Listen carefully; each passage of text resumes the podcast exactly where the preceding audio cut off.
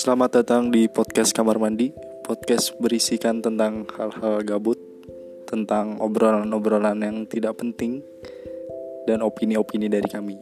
Semoga terhibur.